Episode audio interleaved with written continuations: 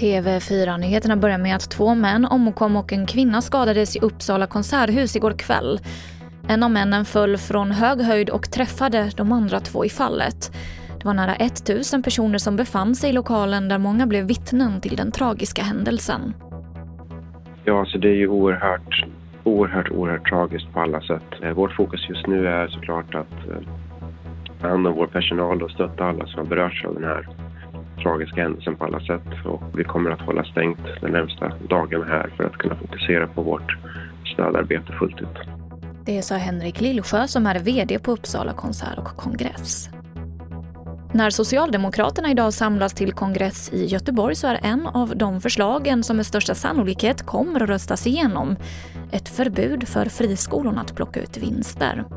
Förslaget har brett stöd hos väljarna men många friskolor skulle drabbas mycket hårt. Mer om det här på tv4.se. Och så till sist kan vi berätta att personer med bra kondition löper lägre risk att bli allvarligt sjuka i covid-19.